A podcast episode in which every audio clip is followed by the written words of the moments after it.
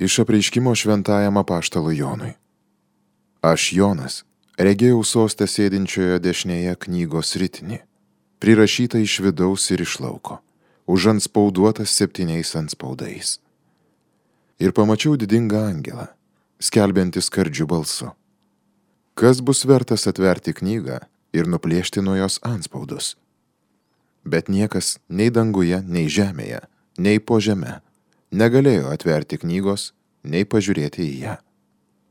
Aš graudžiai pravirkau, kad neatsirado verto atverti knygą ir pasižiūrėti. Tuomet vienas vyresnysis man tarė, neverk. Štai nugalėjo liūtas iš Dovido giminės, Dovido atžala.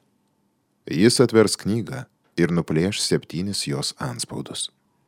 Aš išvydau sosto ir keturių būtybių bei vyresniųjų viduryje avinėlį Jis buvo tarytum užmuštas ir turėjo septynis ragus ir septynes akis, kurios yra Dievo dvasios, siūstos į visą žemę.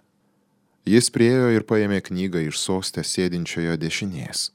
Kai jis paėmė knygą, keturios būtybės ir dvidešimt keturi vyresnieji parpuolė prieš avinėlį. Kiekvienas laikydamas rankose arfą ir aukso indus, pilnus smilkalų, o tai buvo šventųjų maldos. Jie gėdojo naują giesmę skelbdami. Vertas esi paimti knygą ir atverti jos anspaudus, nes buvai užmuštas ir nupirkai Dievui savo krauju žmonės iš visų genčių, kalbų, tautų ir giminių. Iš jų tu padarėjai mūsų Dievui karalystę bei kunigus, ir jie viešpataus žemėje. Tai Dievo žodis.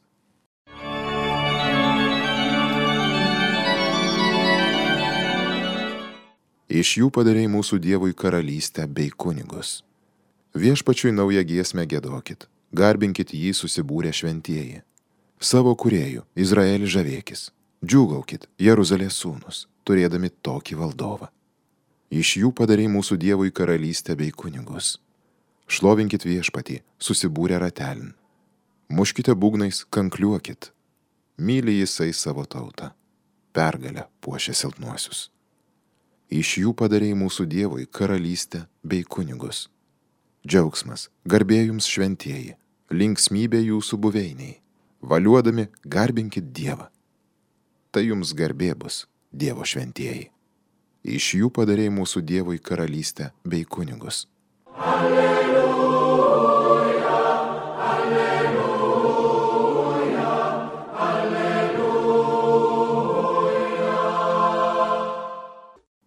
Kad išgirstumėt šiandien, ką jums viešpats byloja.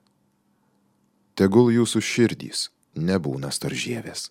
Alleluja, alleluja, alleluja. Viešpat su jumis. Pasiklausykite Šventojios Evangelijos pagal Luką. Prisertinęs prie Jeruzalės ir išvykęs miestą, Jėzus verkė jo ir sakė, O kad tu šiandien suprastum, kas tau neša ramybę. Deja, tai paslėpta nuo tavo akių. Tu sulauksi dienų, kai tavo priešai apjuos tave pylimu, apguls iš visų pusių ir suspaus tave. Jie parblokš ant žemės tave ir tavo vaikus su tavim ir nepaliks tavyje akmens ant akmens nes tu nepažinai savo aplankimo metų. Girdėjote viešpatie žodį.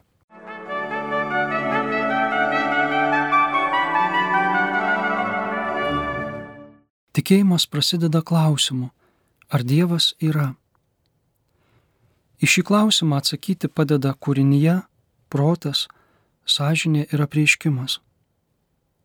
Dievo buvimas atpažįstamas protu iš jo kūrinių sukurtų išmintingai, iš sąžinės nepaklūstančios mūsų valiai, bet kaip Dievo balsas reikalaujančios paklusti jai. Iš apreiškimo. Paskui klausimą, ar Dievas yra, seka kitas nemažiau svarbus klausimas. Koks yra Dievas? Į jį vėl atsakymą duoda tie patys dalykai - kūrinyje, protas, sąžinė ir apreiškimas. Žvelgdamas į kūrinyje, į kosmosą, žvaigždes ar mažiausią sėklelę, mūsų protas suvokia, kad Dievas yra giliausia išmintis ir didžiausias protas. Sažinė, Dievo balsas mumise parodo, kad Jis myli gėrį ir neapkenčia blogio. Apreiškime šventam rašte mes skaitome apie Dievo santykį su žmogumi, su savo tauta, su žmonija. Apreiškimo viršūnė yra Jėzus Kristus. Jame aiškiausiai atpažįstame, koks yra Dievas ir koks jo santykis su žmogumi. Nepažįstant Jėzaus ir į Dievą žvelgiant tik per proto, kūrinijos, sąžinės ir Senojo testamento prizmę, mes negalim pilnai pažinti Dievo, suprasti, koks jis yra. Be Jėzaus Dievo pažinimui trūksta kažko esminio. Be Jėzaus asmens, net ir turint visus kitus pažinimo instrumentus - skaidrų protą, jautrę sąžinę, kūrinyje ir Senąjį testamentą, mąstydami apie Dievą galim padaryti klaidų ir klaidingai suprasti, koks jis yra. Be Jėzaus įmanomas tampa vienos tautos, vienos grupės žmonių iškelimas prieš kitus, kažkurių nuvertinimas, nelaikymas lygiai vertingais. Apmastydami Evangeliją, medituodami ją, mes vis geriau pažįstame, koks yra Dievas, kurį mums apreiškia Jėzus. Šiandien žvelgiame į jį besertinantį prie Jeruzalės Ši Evangelijos ištrauka labai daug pasako apie Dievą, koks jis. Prisertinęs prie Jeruzalės ir išvykęs miestą, jis verkė. Ne miesto pastatų, ne architektūros, net ne šventyklos, o kad tu šiandien suprastum, kas tau atneša ramybę, pasakyta ne akmenims ir ne sienoms. Jam gaila žmonių, kurie nepažino savo aplankymo metų. Jėzus verkė Graikiškas eklausen reiškia garsiai raudoti. Tuo pačiu žodžiu aprašomos ir Naino našlės, ir Marijos Magdalėtės ašaros. Paties Jėzaus gyvenime žinome tik du atvejus, kai jis lieja ašaras, pravirksta. Žvelgdamas į Jeruzalę ir prie Lozoriaus kapo.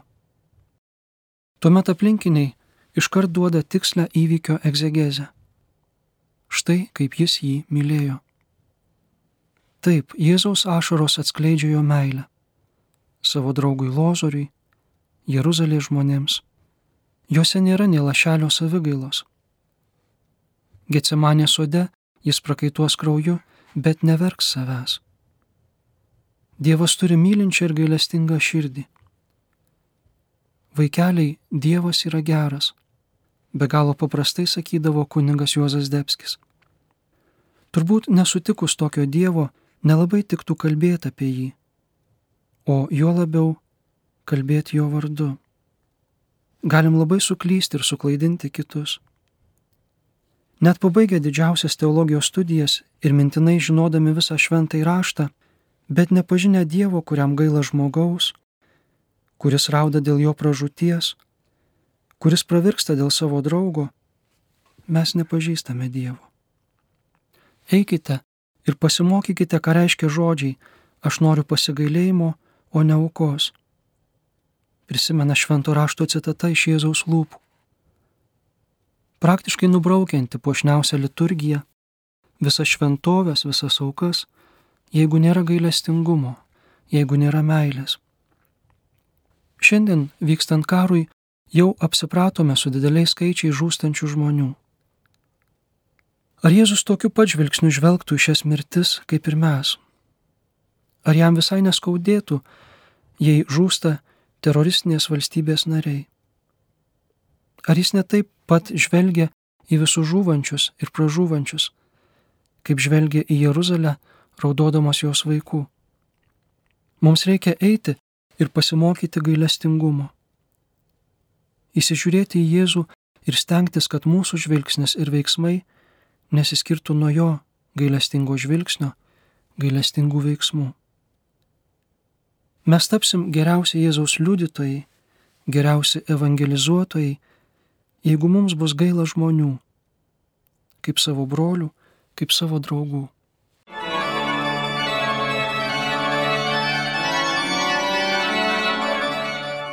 Homilija sakė kunigas Mindaugas Martinaitis.